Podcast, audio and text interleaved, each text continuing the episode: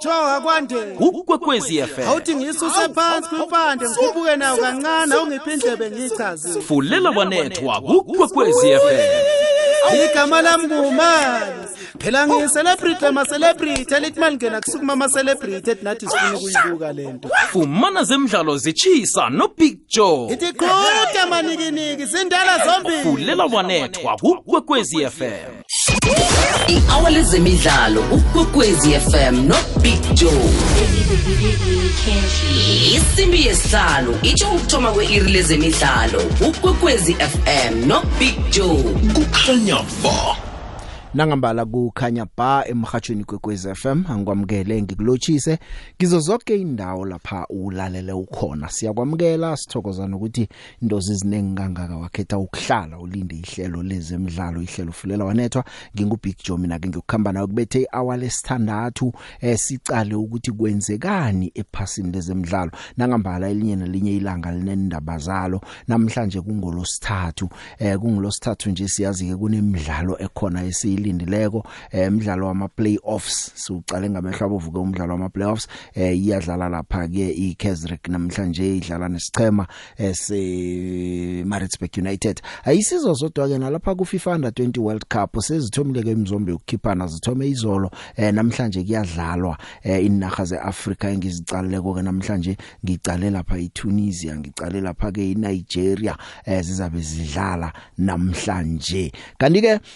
ngale kwa kwalokho ke kulilanga lebholo eragwa konje eh zikhona indaba ezikhamba phambili ongazilindela kanti sizabe sikhuluma no Raymond Mdaka u Raymond Mdaka mbanduli wesichema se Marumo Gallants esiceda ukukatshwa izembe kubhlungu kubhlungu kumarumo galansi noma uyokukhuluma nabo nje awazi ukuthi ubathokozise ngokuthi badlale kuhle kuCAF Confederation Cup namtjana ulile nabo ngokukatshwa lizembe kodwa nasesiza kubonana sesinayo ukuthi kuhle kuhle eh, siyicoca kanjani nawe ke nawunento ongayicho ngesicema semarumo galansi eh, ungathumela wakho amazizo ngeWhatsApp voice note number yethu eh, ugadangiseke lakho iphimbo nalapho ke ukwazi ukukhuluma eh, mhlawumnye ke nendaba yama playoffs nawo namhlanje siwaqalile esiza esizabe eh, siwademba kanti ke nemidlalo yama playoffs ama national playoffs eh we ABC Municipal League eh ukhumbulela kufuneka ingchema emibili ezizokuya ngale ngaku first divisions yokujamiselela iTTM neBlack Leopards sazi ke ngoba inkulumo zatsho ukuthi iBlack Leopards iyokuthenga lapha iAll Star nayingakayithengi mbala mhlambe seyicede noyithenga noma isazo uyithenga kodwa inkulumo zona ziyacina ukuthi hayi black leopards izabe sesekhona eh kanti ke ziqiniswa nakuthi abaphathi beAll Stars sakhuluma nabo la emhathweni batho bathivele bona bayathengisa indaba ebhola le ngathi seyithoma ubagcwala izandla nje nakona lokho ke uhlale nje uvule eh, umhathwa wakho uhlale ubeke indlebe la uzoyithola mhlana yenzeka kuyiqinisekiswa nabo beBlack Leopards abo silingene obathola eh, sikhulume nabo kuzabe kuzabe kudlalwa ke ama playoffs lawo ke eh, adlala lapha eKZN ayokthoma ngomhla ka6 ayokuphela ngomhla ka11 eh, kuJune nazo lezo ke sizozidemba sicocele zona nokuthi ingchema zijame njani emagrupini womathathu azabe adlala lapho hlelo lakho lezemidlalo fulela wanethwa mhajo ikwekwez FM ngingubig joe imidlalo ongayilindela kukwekwezi FM kusele indawo yinye ku-PSL zintathu iinqhema ezibangako ngosondo mhla ka-28 kumeyi kuputaputana i-kazrik stars ne-cape town spurs esolomon mahlango stadium kwamhlanga kwandebele ngomhla ka-31 kumeyi imarisburg ibambana ne-kazrik stars eherikwala stadium kwazulu-natal ngomhla ka-3 kumgwengweni i-cape town spurs ibambana ne-kazrik stars eperow park kuzokutshisa phasi mhla ka-7 kumgwengweni i-kazrik stars ebambana ne-marisburg united esolomon mahlango stadium kwamhlanga ngomhla ka-10 mdlalo wokugcina eherigwala stadium imarisburg united ibambana nesichema secape town spurs imidlalo le uyilethelwa ngokuzikhakhazisa i-sabc sport hashtag we love it here uzoyizwa bunqopha for the love of the game, of the game.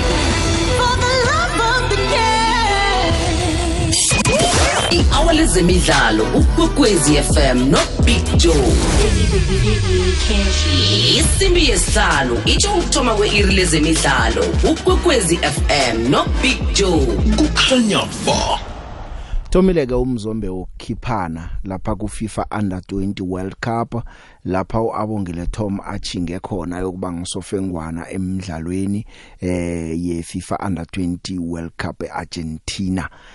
e-USA izolo beyidlala ikhombise ukudominate kakhulu nabeyidlala lapha ke nesicema seNew Zealand bekumdlalo wokthoma welast 16 badule iNew Zealand ngo4 not vele kenge bayizwe bayibethe bayibetha bayibetha na ubukele kube ungathi bayibetha lula kanti akusilula ngendlela eh ungakhona umdlalo na uqalileko na uqala konke ngeUSA seyiclean sheet yesine akukabe ukungena ikondelo ngakibo kufikela nje solo bathumena kuma group stages ngibo bodwa isichema esikhona kulela phaliswano nje ekungakabe ukungenwa ikondelo ngakilo iUSA ngiyacabanga ukuthi siyazizwa ukuthi ikunzi sematholeni na ubukela abasana aba ukhona ukubona ukuthi kusasa lengichema zakhona ama senior national teams wakhona lijame njani lihlandla lesine ngokulandelana iUSA ifika kuma quarter finals we under 20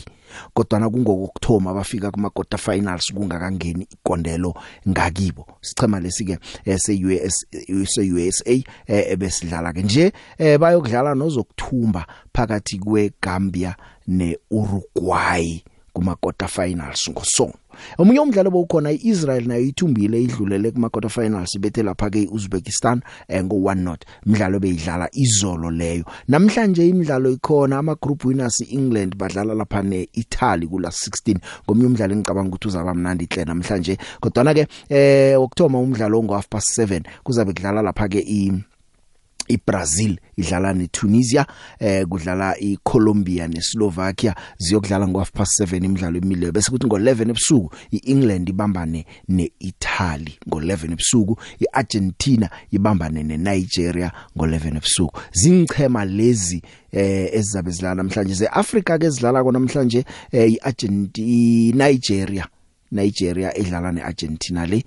eh, iTunisia edlala neBrazil le eh, izabe zidlala zinchema ke lezi ke zeAfrica ezikhona ezisadlalako ezabe zidlala namhlanje kanti ngolosine siyokubona neGambia neGambia idlala kamnandi idlanga kangani yokudlala ngo half past 7 neUruguay under 20 ngikhuluma la ngeGambia eh sengikubalala nje inchema zeAfrica ezikhona phaliswano le under 20 elikhona lelo kanti ke namhlanje godu ke ngo half past 7 umdlalo omkhulu lapha kudlala khona iMaritzburg United nesicema seKaizer Stars eh uFatlu Davids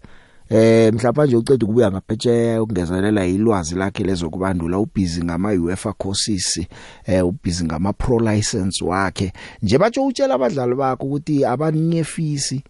nibetha kwasani batsho kuvela phambi kwenu nidlala ngathi nidlala nengichema zePSL batsho into abatshele yona sazi ke ukuthi ukukhuluma nokwenza kuza kufana na badlala neKaizer Chiefs namhlanje eHerkwala Stadium ngo half past 7 Kusho njalo ukuthi abadlali bakhe abalwe khulu balwe ngathi basadlala ngaku PSL balwela ukubaleka izembe ngoba vele kusesengiloko bangayicala bathi ukuthi ma ma, ma, ma, ma playoffs we promotion. Baqale ukuthi sibaleka izembe sisele ngemidlalo nasi emine ukuthi sisinde ezembeni. bathu batshele njalo badlala ke namhlanje eh nakachoko ke uthi sengiyicalile noyicala iKaizer ngiyibonile ukuthi idlala kanjani eh bekakhona Solomon Mahlangu abukele umdlalo weKaizer Club ebedlala khona ke neCape Town Spurs umdlalo ke uthemsaka ukuthi uza kuba budisana uza kuba umdlalo obukelekako namhlanje ngo 7 nala emhathweni kokweza FM umdlalo lo uzowuthola kanokunye ke i chief executive echa yesafa uLydia Munyapa Munyapa Munyepawu Eh uLydia ufikile mhlawumbe samemezela ukutawa ungenile ukhambile umswaka uMtlante kodwa nokufikela nje batho akakabukulungela ukukhuluma nembiki indaba sibathe siyamfuna sifuna umamukela sizwe namahlelo nani nani ukuyaphambili asikabe umthola mhlawumnye ngelanga sizakufika isikhathi sokuthi sikwazi ukuthi sidembe naye la kodwa naye nakakhuluma konke nje batho isafa iyakhanuka ukuthi ekhaya eh, ingchema zibe eziningi eziprofessional kungezelelwe kulezi eziyi16 ezikhona zePSL eh, bacho ukwazi ukuthi ikhono libonakale ngobuningi ukhumbula ukuthi kuPSL zi16 naku Mutsipe Foundation Championship zi16 kusho ukuthi ingchema eziprofessional eSouth Africa le inengchema ezi32 ngoba naso uya ku ABC Mutsipe League akusese iprofessional football sase kuma amateur lapho ulwela ukuza ku professional manje ngi khumbulana nango March umbanduli wesicema seOrlando Pirates uJose Moreiro uJose Ribeiro Spanish guitar eh wakhuluma la wathi batho eh iPSL ayikwazi ukuthi iaaccommodate lonke ikhono elikhona eSouth Africa acho lokho ngoba azibonile ingcheme ezebadlala ngazo nazo ku, ku Nedbank Cup ukuthi yong lapha ku Mutsipe Foundation nale kubo eh, SAB ABC Mutsipe League bacho ikhono likhona eh, abadlali bakhona bangama match abe PSL sekuthi ke iSouth Africa ine space esincane sok accommodate eh, ama professional players manje ke ke eh, umnyapheko ke bekakhuluma ke naye eh, nginakube kwenziwa i draw le yemidlalo yama playoffs be ABC Municipality lapha eSafa eh, House eh uyachuthi bona abatsho njengehlangano bafuna ukubona ingchema zanda kodwana iPSL ngiyo ene final say ngiba bathi ye noma hour thina silunge sinje lokho ke kuzanga ukuthi iPSL batho iyalalela mhlambe yazingezelela imchema namtchana yenza njani na asazi sakubona ukuthi kungenzeka lokho namtchana njani na eh uJomo wagwalwa kakhulu wathi into leyo ngeze nayibona nabangezelela imali engezelela ingchema msimali izokhlanyela ngoba mdeba istretch nemali le bantu benzela ukuthi nemadlana ibe khona abakwazi uyisebenzisa nakwandi ingchema imali iza kuba incane ngiphume lapho amaplayoffs adlala lapha eMaritzburg eKZN eh kumele kudlale lapha ingchema ezilithoba zemfunda zonke zeSouth Africa zijanyelwe kuleli phaliswano eh ayokthoma lapha ke ngeround robin mzombe wama group eh, ama group mathathu ayokuba nengchema endathu bese ke ingchema ezithumba ama group endathu ezo ziya kuma semifinals bese ke ema group ina kucalwa the best runner up abakuthatha uposition 2 nabacalako babone bangcono kunama number 2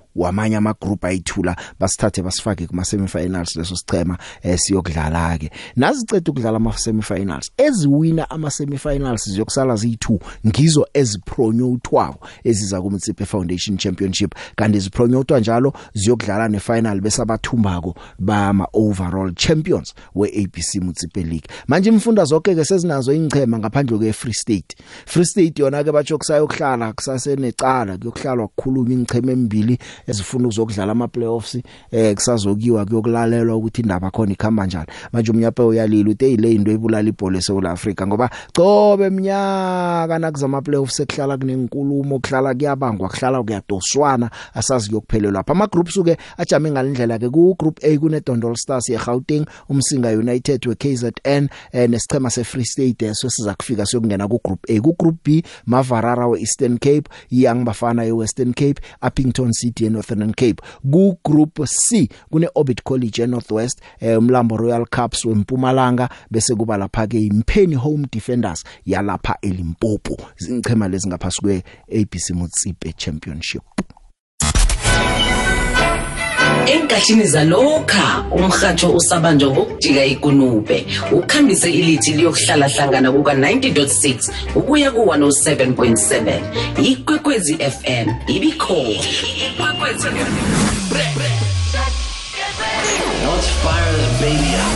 nenkathini zanamhlanje sizoqhofoza inomboro yedijithali neenkundla zokuthindana ezenza umbone ngamehlo umrhatshi wakho omthandako ikwekwezi fm isesekhona 90.6 ukuya ku-107.7 fm umkhanyo ukhona kukhanya ba imidlalo ongayilindela kukwekwezi fm kusele indawo yinye ku-psl zintathu iinchema ezibangabo ngosondo mhlaka-28 kumeyi kuphuthaphutana i-kazrik stars ne-cape town spurs esolomon mahlango stadium kwamhlanga kwandebele ngomhlaka-31 kumeyi imarisburg ibambana nekazrik stars eherikwala stadium kwazulu-natal ngomhlaka-3 kumgwengweni icape town spurs ibambana nekazrik stars eperow park kuzokutshisa phasi mhlaka-7 kumgwengweni ikazrik stars nayibambana nemarisburg united esolomon mahlango stadium kwamhlanga ngomhlaka-10 mdlalo wokugcina eherikwala stadium imarisburg united ibambana nesichema secape town spurs imidlalo le uyilethelwa ngokuzikhakhazisa i-sabc sport Hashtag we love it here. Uzoizwa bunqopha for the love of the game. For the love of the game. Ezinyeke indaba ezikhona ngezibuya kumongameli weCAF uPatrice Mutsipe lapha acho khona ukuthi inchema ezifaka imbawo zokusingatha amaphaliswano weAfcon ngo2025 nango2027 eh bachozi yokucalwa ke iinspection committee eh, izokinspector ke inahezo ke bekakhuluma ngemva kokuthi ke eh, kuvela inkulumo ezithi Afcon lekungaba kuhle ukuthi eh, igege sigege kungatolisa olidlalile endaweni eyodwa idlalile endaweni eyodwa iBotswana iyayifuna kambe yaka 2027 eh manje ke ke balinde iBit Committee ukuthi yokufika eBotswana ngoJune eh umtsipeke nango ke uyatsho ke ukuthi eh ikomiti legegakwe yokuhlola inaga ezifaka amabits le eh, ifunani kutsho uPetrus Mutsipa sizwe ngayo Yeah, Botswana is bidding, and a few other countries have also expressed interest, and uh, and, and we wish them the best. Uh, we wish Botswana and all of the other countries. But at the end of the day, uh, the decision is going to be taken by EXCO. And what we are going to do is those countries that have put in a bid, we're going to allow them to come and listen because there's an independent assessment committee that's going to all of these countries to investigate and to assess the, the quality of infrastructure and the level of readiness to host our competitions.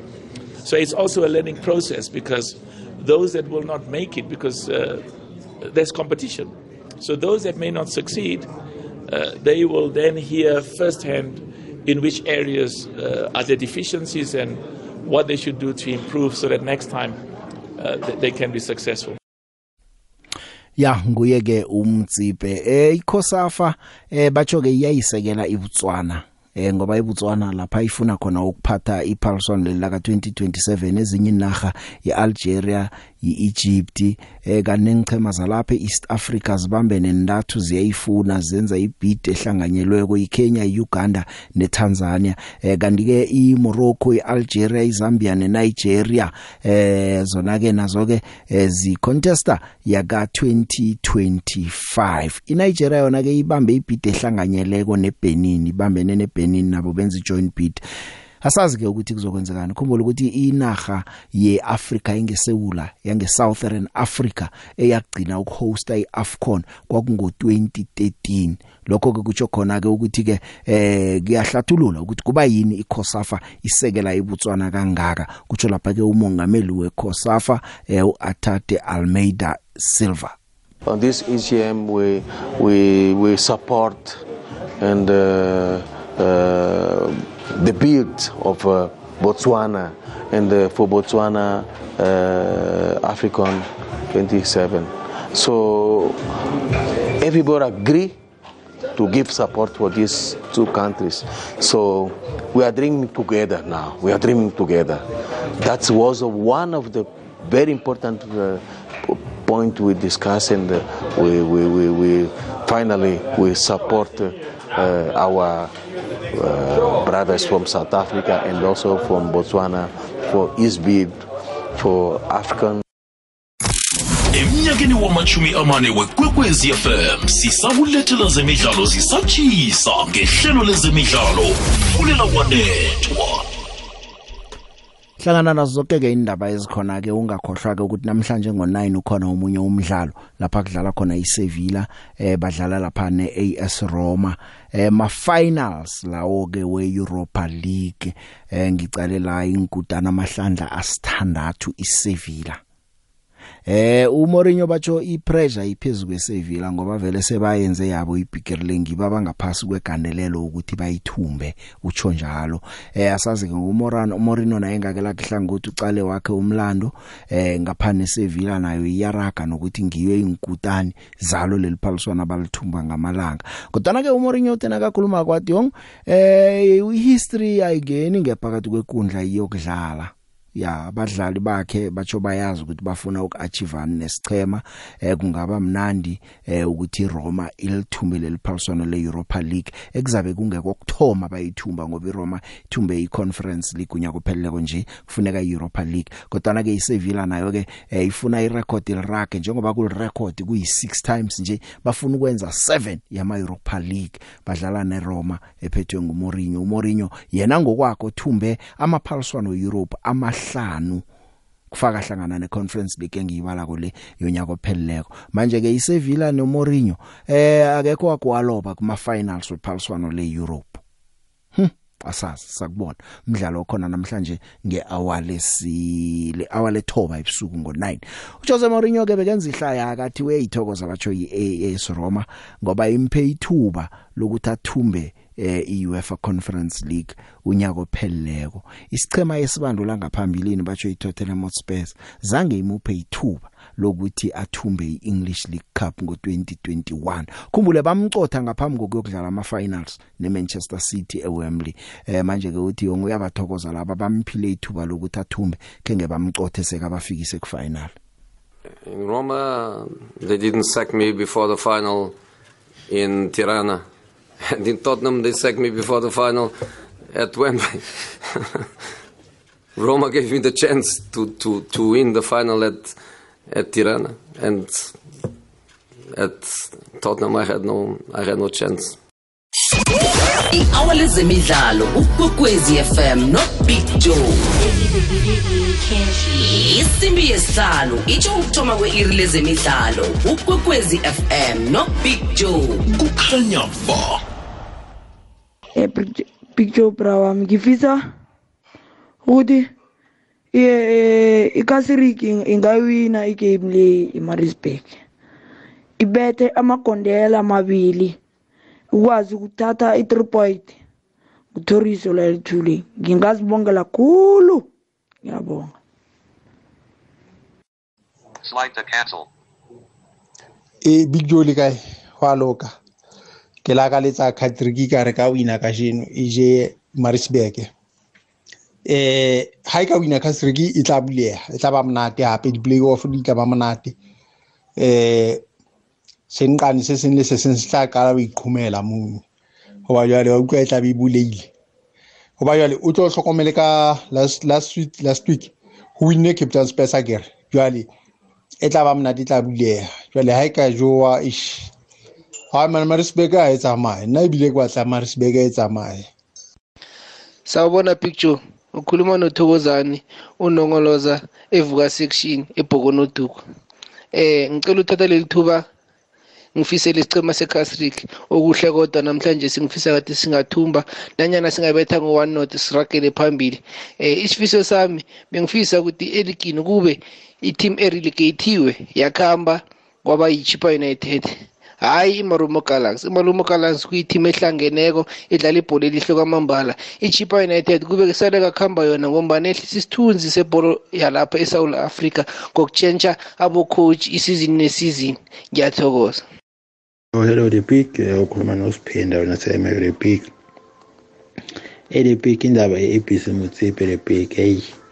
amathimu lapha awina ku-boardroom le pig nala mpumalanga sike saba nenkinga enjalo yabo-Fanny Bartleton's nabo Secunda M Stars the Big wagcina kuye yona iSecunda M Stars the Big uma kuma playoff yodlalela ukuthi bahambe beyodlala Premier League National so the big lento le iyalibulala ibhola abantu abawine kahle egroundini manganoke beya bafaka ipolitiki safa ingenelele lapha the big izinto ziyonakala bamosha ibhola ngalento abayenzayo le PK le PK ngene kancane ngapha ku-sundowns le PK ngiyathemba manje ukuthi le window period angeke sisayine kakhulu sizophesha phesha lapho nalapho kodwa engikhala kakhulu ngayo ina i-position i-left back the PK iyabhala i-left back lapha ku-sundowns le PK ayikho vele kule season lesibeka kuyo eh vele besokola vele esayidini laka left mangabe nje uke wabuka nje umthandi webhola bozokubona lokho lebig bozokubona lokho lebig eh ufisele ne Manchester City lebig ngeweekend ukuthi ngathi ngathu inga inga inga ingawina umdlalo webig ya siyaraga ke ehlelweni fulela wanethu ngikuthembisile ngathi eh namhlanje ngikuphathele ubaba uRaymond Mdaka umbanduli wesichema seMarumo Gallants eselesikatshe elizembe nje esiyokudlala kuMutsipe Foundation Championship Baba Mdaka ngiyakwamukela ngiyakulochisa emhathweni kwekwezi FM Yo thank you very much and uh, good uh, good evening to everybody angithi uyayibona le language yakho iyangiphazamisa mara ha uyangizwa ndoda ngiyakuzwa ya ya na wena uyikhonako uzayifakafaka na ungayikhoniko ukhulume nje wena lakho ilimo lizwako ikanje na ungizwako mina mina ngizofaka isihlangane indoda hey kuzoba kubi lapha no it's fine thanks we can talk baba umntaka angazi yazi ngisatshela umlaleli ngithi indaba yenu i-bitter sweet eh ngikutsho ngoba angazi ukuthi kumele nginithokozise ngekhambo lenu ku CAF Confederation Cup or kumele ngilile nani ngithi ngizwelana nani ngokukatshwa lizembe ngaphakathi kwe DStv Premiership you know my brother it it went to a situation wherein you don't even want to do an interview mm. yeah because uh, comparatively speaking uh, any other team would love to stay in the PSL than other accolades, much as uh, it looked to to have been a very good job being able to qualify for the semi-final. But uh, priority, obviously, would uh, any other team would want to be in the PSL, stay in the PSL, but. Uh, you, you you also don't do away with the legal achievement that mm. we we got much as we have been relegated. So it becomes sweet, it becomes bitter, like you said. kodwa nasithome ngezimnandi indaba eh nibe nejeni ikhambo leno libe mnandi lapha ku CAF Confederation Cup eh angikholwa ukuthi nalithomako eh ama South Africa amaningi bewacabanga ukuthi ningafika lapha nifike khona mhlambe nina benayo ibelief leyo ukuthi siyazithemba siyazazi singakwenza lokhu kodwa na eh nikhambile nakhamba nayo kuloba seniloba kuma semi finals eh ake ngibuze nje ukuthi ijeni yenu ye CAF Confed Cup okustore sihle kangaka sibe njani yeah actually the thing is you, you remember when i arrived i th i think it was the season before last mm -hmm. it was towards the end of the season uh, by virtue of the team having gone to um, having having won the, uh, the the the, the net bank So the team had already started with the CAF confederations, but when I arrived, I think they only had two games or so. So we we we started going out and um, uh, getting, getting into those CAF games, and then the following seasons we were able to go to the finals of NetBank. When we lost to Sundown, then we had to again go for uh, CAF confederation. But then uh, what I can say, Uguti, Uh, you see, some of the things, oh, we, we are afraid of a lion because we know there is a lion, but we have never seen it. So once you get into that situation, um, you, you realize, no man, some of the things are hmm. very possible. Mm. Uh, they are doable. And uh, after playing a number of games home and away, because one thing that uh, maybe our team should just. Uh, uh, think more about is the issue of traveling and the issue of hostile environment when you are not at home you are not at home at all on a number of things but uh, after few games we we felt like Norman we are able to we are able to go through this situation we are able to to to go through the challenges that uh, traveling away and playing with the uh, North African teams, the challenge that is there, we're able to. We started believing, but at first, all, obviously and uh, honestly, it was just a question of honoring mm. uh, the mm. picture, mm. honoring, mm. representing the country. But uh, I'm telling you, towards even some games, towards the final, we were even in a stage where we thought we can even win. yeah. we can even win the Care Confederation, uh, more especially when we were looking at how the team was playing. Uh, people ask a lot of questions. If you statistically check how things went, you realize that uh, the Marumo Galan team did not start well at all coast. But where we started picking up, hey. that's where we also started pick up in the CAF Confed. So um, it's, it's just that we picked up At first, you could even play three games without changing the position in the log domestically. Mm. But we mm. pushed to a certain level where we thought, "I man, now we are, we are okay. Uh, we can push the other side. We can also push the other side." But unfortunately, uh, we could not make it in terms of the saving saving the team, and we also lost in the semi-final. But honestly, it's a good run uh, that has got that uh, bit of chili uh, for us not uh, uh, not being able to save the team from relegation. ya ku CAF Confed indlala ehle khulu nebhola enidlalako ngaphandle kwama results nje ibhola ebeyidlalwa yiMarumo Gallants beyihle khulu eh abantu abaningi besingacabanga ukuthi inga relegate abantu abaningi bebangafisi nokuthi relegate abantu uyazi ukuthi banokukhanuka ukuthi esingathi kungakhamba laba ngathi kungakhamba laba eh abasibanenge bebathi ngathi kungakhamba iMarumo Gallants bebasafuna ukuyibona isizini ezakho kodwa ke ngaphambi kokuthi ngiyentolo ngicale la ukuthi man eh iMarumo Gallants hleza amasizini amathathu ngaphasi kwe yePSL ngoba ekuthomeni kwakuyitshaka uMachamatsi Bandila ngo2020 2021 yaba yimarumo galansi ka masizini amabili nasi yesithathu eh iyakhamba eh kube ebhlungu ke lokho nangicalako ngo2020 2021 eh iyaqeda ku number 12 yayina 31 points 2021 2022 eh yaceda lapha ina 34 points eh wabona ke nalapho ukuthi Chia ibaroka nga 9 points baroka AR relegate wako eh kwachikuluka negama ke yaba yimarumo Gallants 2022 2023 nidlale kuhle kodwa na imagical 30 points lekhulunywa ngayo ngaphakathi kweSouth Africa zange nifike kiyo nicede ku29 points sizokuza lapho jama ngithengise nangibuyako eh, siyicedelela indaba yama points le Imzuzu nje mlaleli imachumi ilichumi ngokwakho nemizuzu elikhomba ngaphambi kwehour lesithandathu ngisesenayo ubaba umdaka icoach Raymond Mdaka wesichema seMarumo Gallants baba umdaka besisakhuluma la eh nawucala imbalo balo engizijokweza ukuthi number 12 31 points isizini elandelako eh nabana 34 points le nabana 29 na relegatewa nawucala amaphuzu imarumo galants ekhone ukwa collector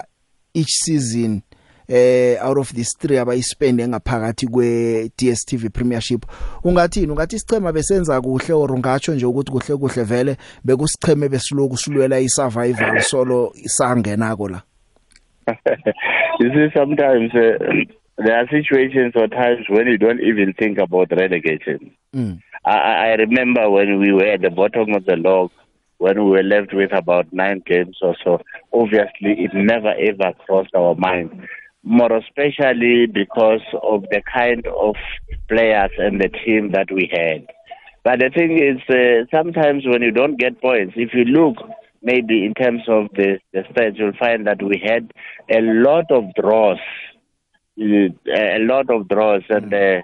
You see, and when you you see when you lose very disparately, very where you feel no no no, it means there is something seriously very wrong. Then it's something else. But when you lose in a game where you play, you just do not have maybe something that uh, we, we, I don't normally like it to say luck and luck. Yes, luck is always there, but uh, when you lose in games wherein you feel normal, we should have won this. That level of confidence is always there to say now we can do it, we can do it. Until I'm telling you honestly, even the last day, the last day, because we only needed a point. We only mm. needed a point, mm. only a point until the last game. Uh, we, when we went to the field, there was nothing like we could be relegated as a team. It uh, it came as a shock, much as it was. We were the ones who were playing, we were the team, and so on. Uh, it just did not come seriously into. But um, the the one thing that we might have not uh, taken very seriously into consideration is that once you have got teams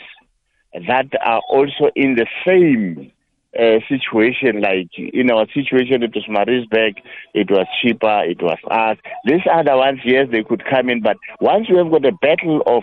of three or four within the same sport, you must know that there should be a lot of speed work. There should be a lot of things that are supposed to be done. So Yeah, one can mention a number Mm. ya uyasilahlekela ke watsho wathi load shedding lengathi mraro ke sibone ukuthi usekhona na baba umntaka usekhona hello asikhambe siyomfuna godu load shedding load shedding ya besisakhuluma ngayo ke i imarumo galansi abeka yazi uyazibuza imarumo galansi ihlezi 3 esikuphela kodwana ama coach ngaleso sikhathi yo yo yo yo Dylan K barelegatewa nje bekasalinde i work permit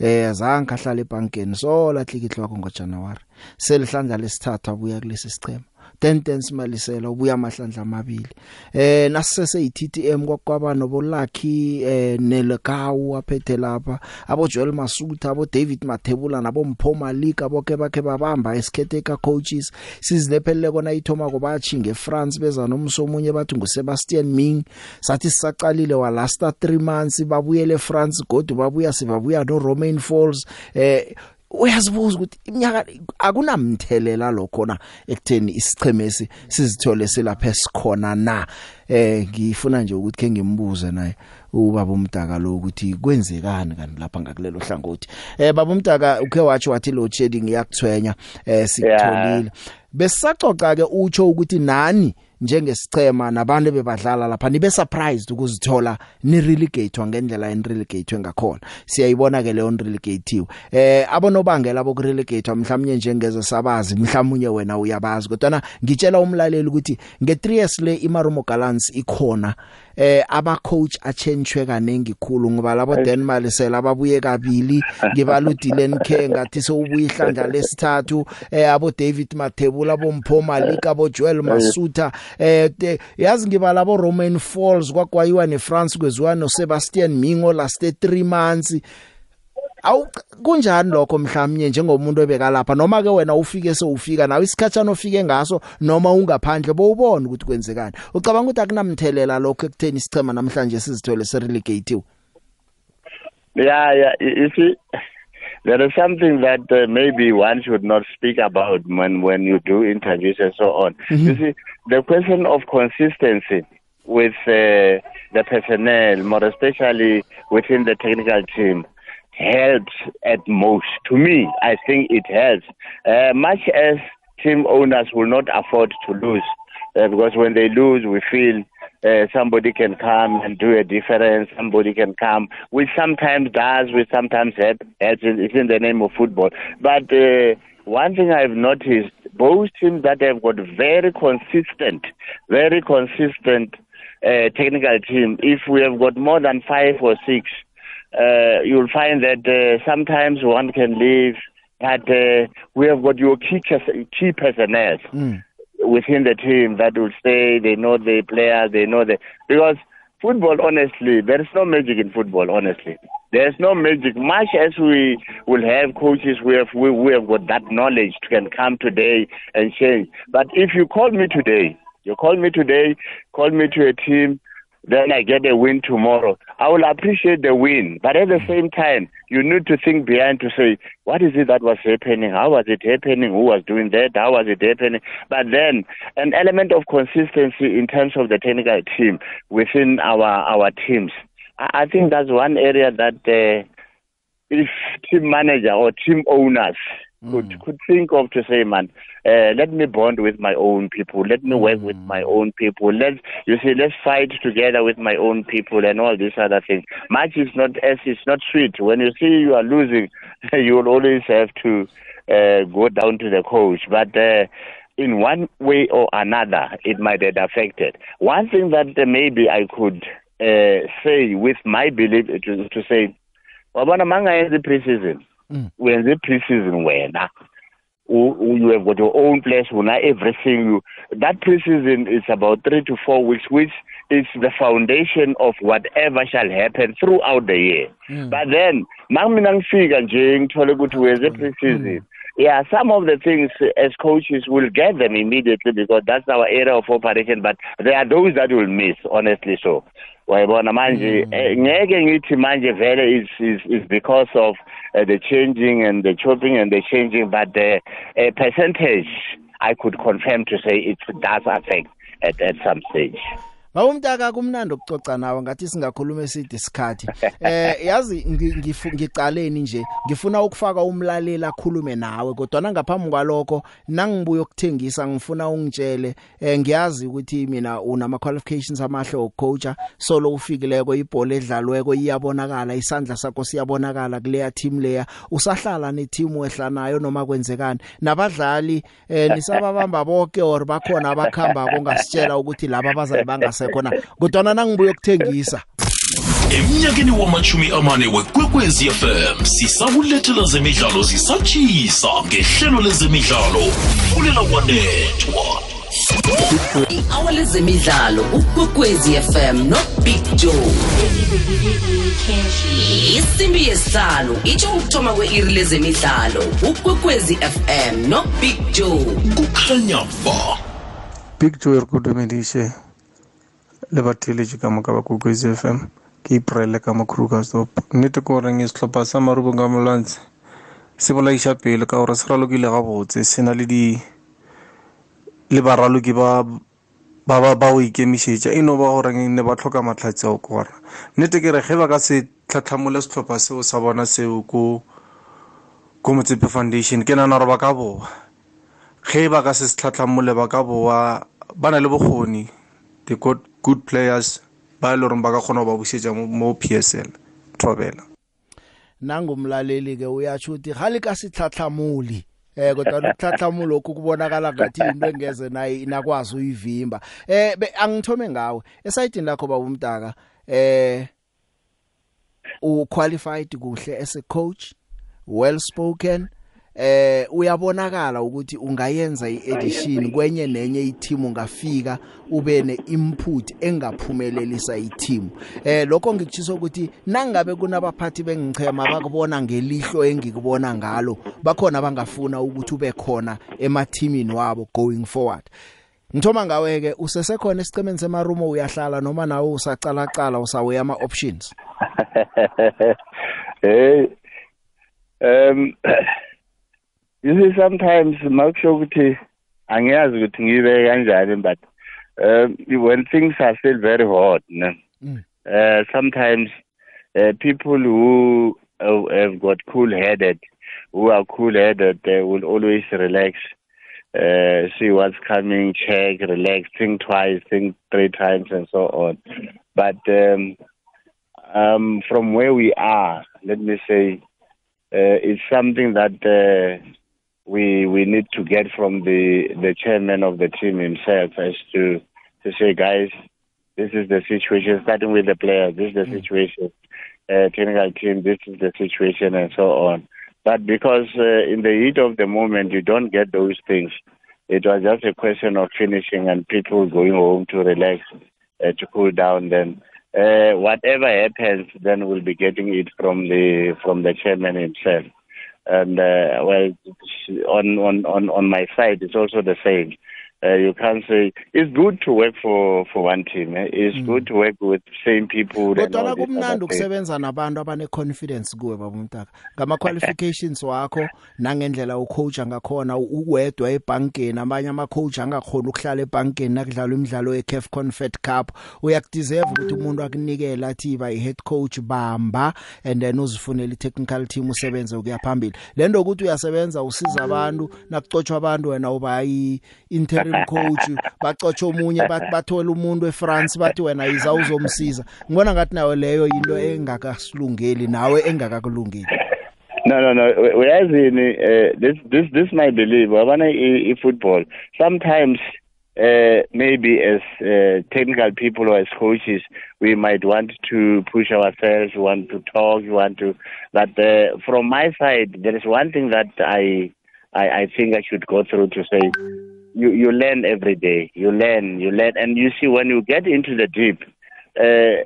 football is has got a lot in it. As a coach, has got a lot. The managerial side, the technical side, the technical side, the psychological side, a lot of things. So sometimes you don't even want to say, "Man, let me get there." And uh, but and if an opportunity arises mm. uh, in, in a given moment, uh, then one can say, but it's not something that one is trying to say, hey, let me do this, then, uh, no, because this one has came. No, no, no, no, be patient. Any other person, he might not, you see, the issue of qualifications, which we, we really we're really saying our people should get uh, eh, similar, especially the worry of going to Africa, people not sitting on the bench where they are so good to can be able to sit there and win. It's another story. But what I'm saying is to say um, patience, patience is, is, is one good thing in uh, any other career. And uh, obviously, God knows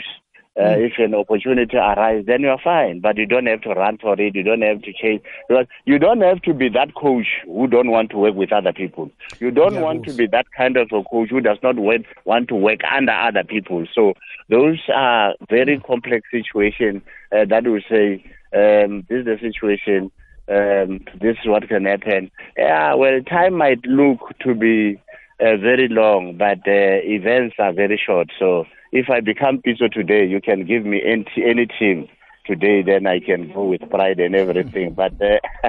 I'm just trying to say we need to be patient sometimes and don't worry yourself that much about saying, I am working with this one, this one cannot do. There are some things that that person can do that you cannot do. So it needs an harmonious situation. Sort of. Mm. I-answer yakho leyodwa. ingitshela ukuthi you deserve to be an head coach nethi ngeanswer le kuphela ngiyo ke ethi nanga umuntu ovuthweko kumele abe head coach baba umdaki isikade sisikhamba emsinya kakhulu ke sizwe nangomunye umlaleli ukuthi uthini bese siyayivala eh sele nje ngemzuzu emibili kuphela ke ngizwe ukuthi umlaleli uthini okay yeche picture yeche picture yeche eh emarumo galaxy picture ayikhulumeki i-conference cup yona idlalile kamnandi isipruvile ukuthi bobani eish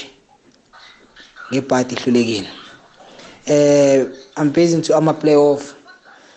ama playoff kusazoba nzima strong kusazoba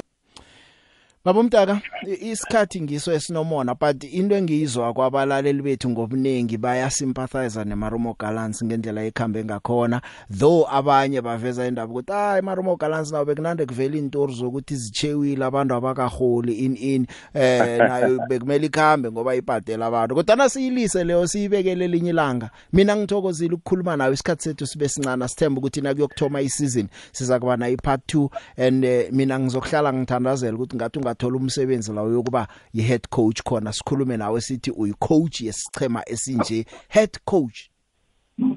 no i wish i wish i wish bengizo ngiyakuzwa mawukhuluma nene i wish i could respond in your language so sometimes when you speak in english because mangafaka ishangane la hey kuzoba kubi but thanks thanks very much i appreciate your your time ngithokozile baba umdaka sisakhuluma ngelinye ilanga godu da nda aha Eh mbandule uRaymond Mtaka wesichema sayo i imarumo galantsi sele irelegateiwe eh ngebanga lesikhathi ke siyibeka la ikulumo ethu siza kubona ngokuzako namhlanje ingchema ziyadlala may the best team win hlelo fulela wanethwa eh lijamala mina no Arike no Save nje eh, siyakhamba sikuchiya nosubusiso sibu akwande akwande jo hey kunjani mfo sivukile kunjani hayi ngikhona ubuyile ngaphetsheya lapho khona izolo hawa namhlanje zonke izinto zinqophile ngibuyile labe kade ngikhona jo ngiyathokoza sala nomlaleli siyathokoza khambani kuhle jo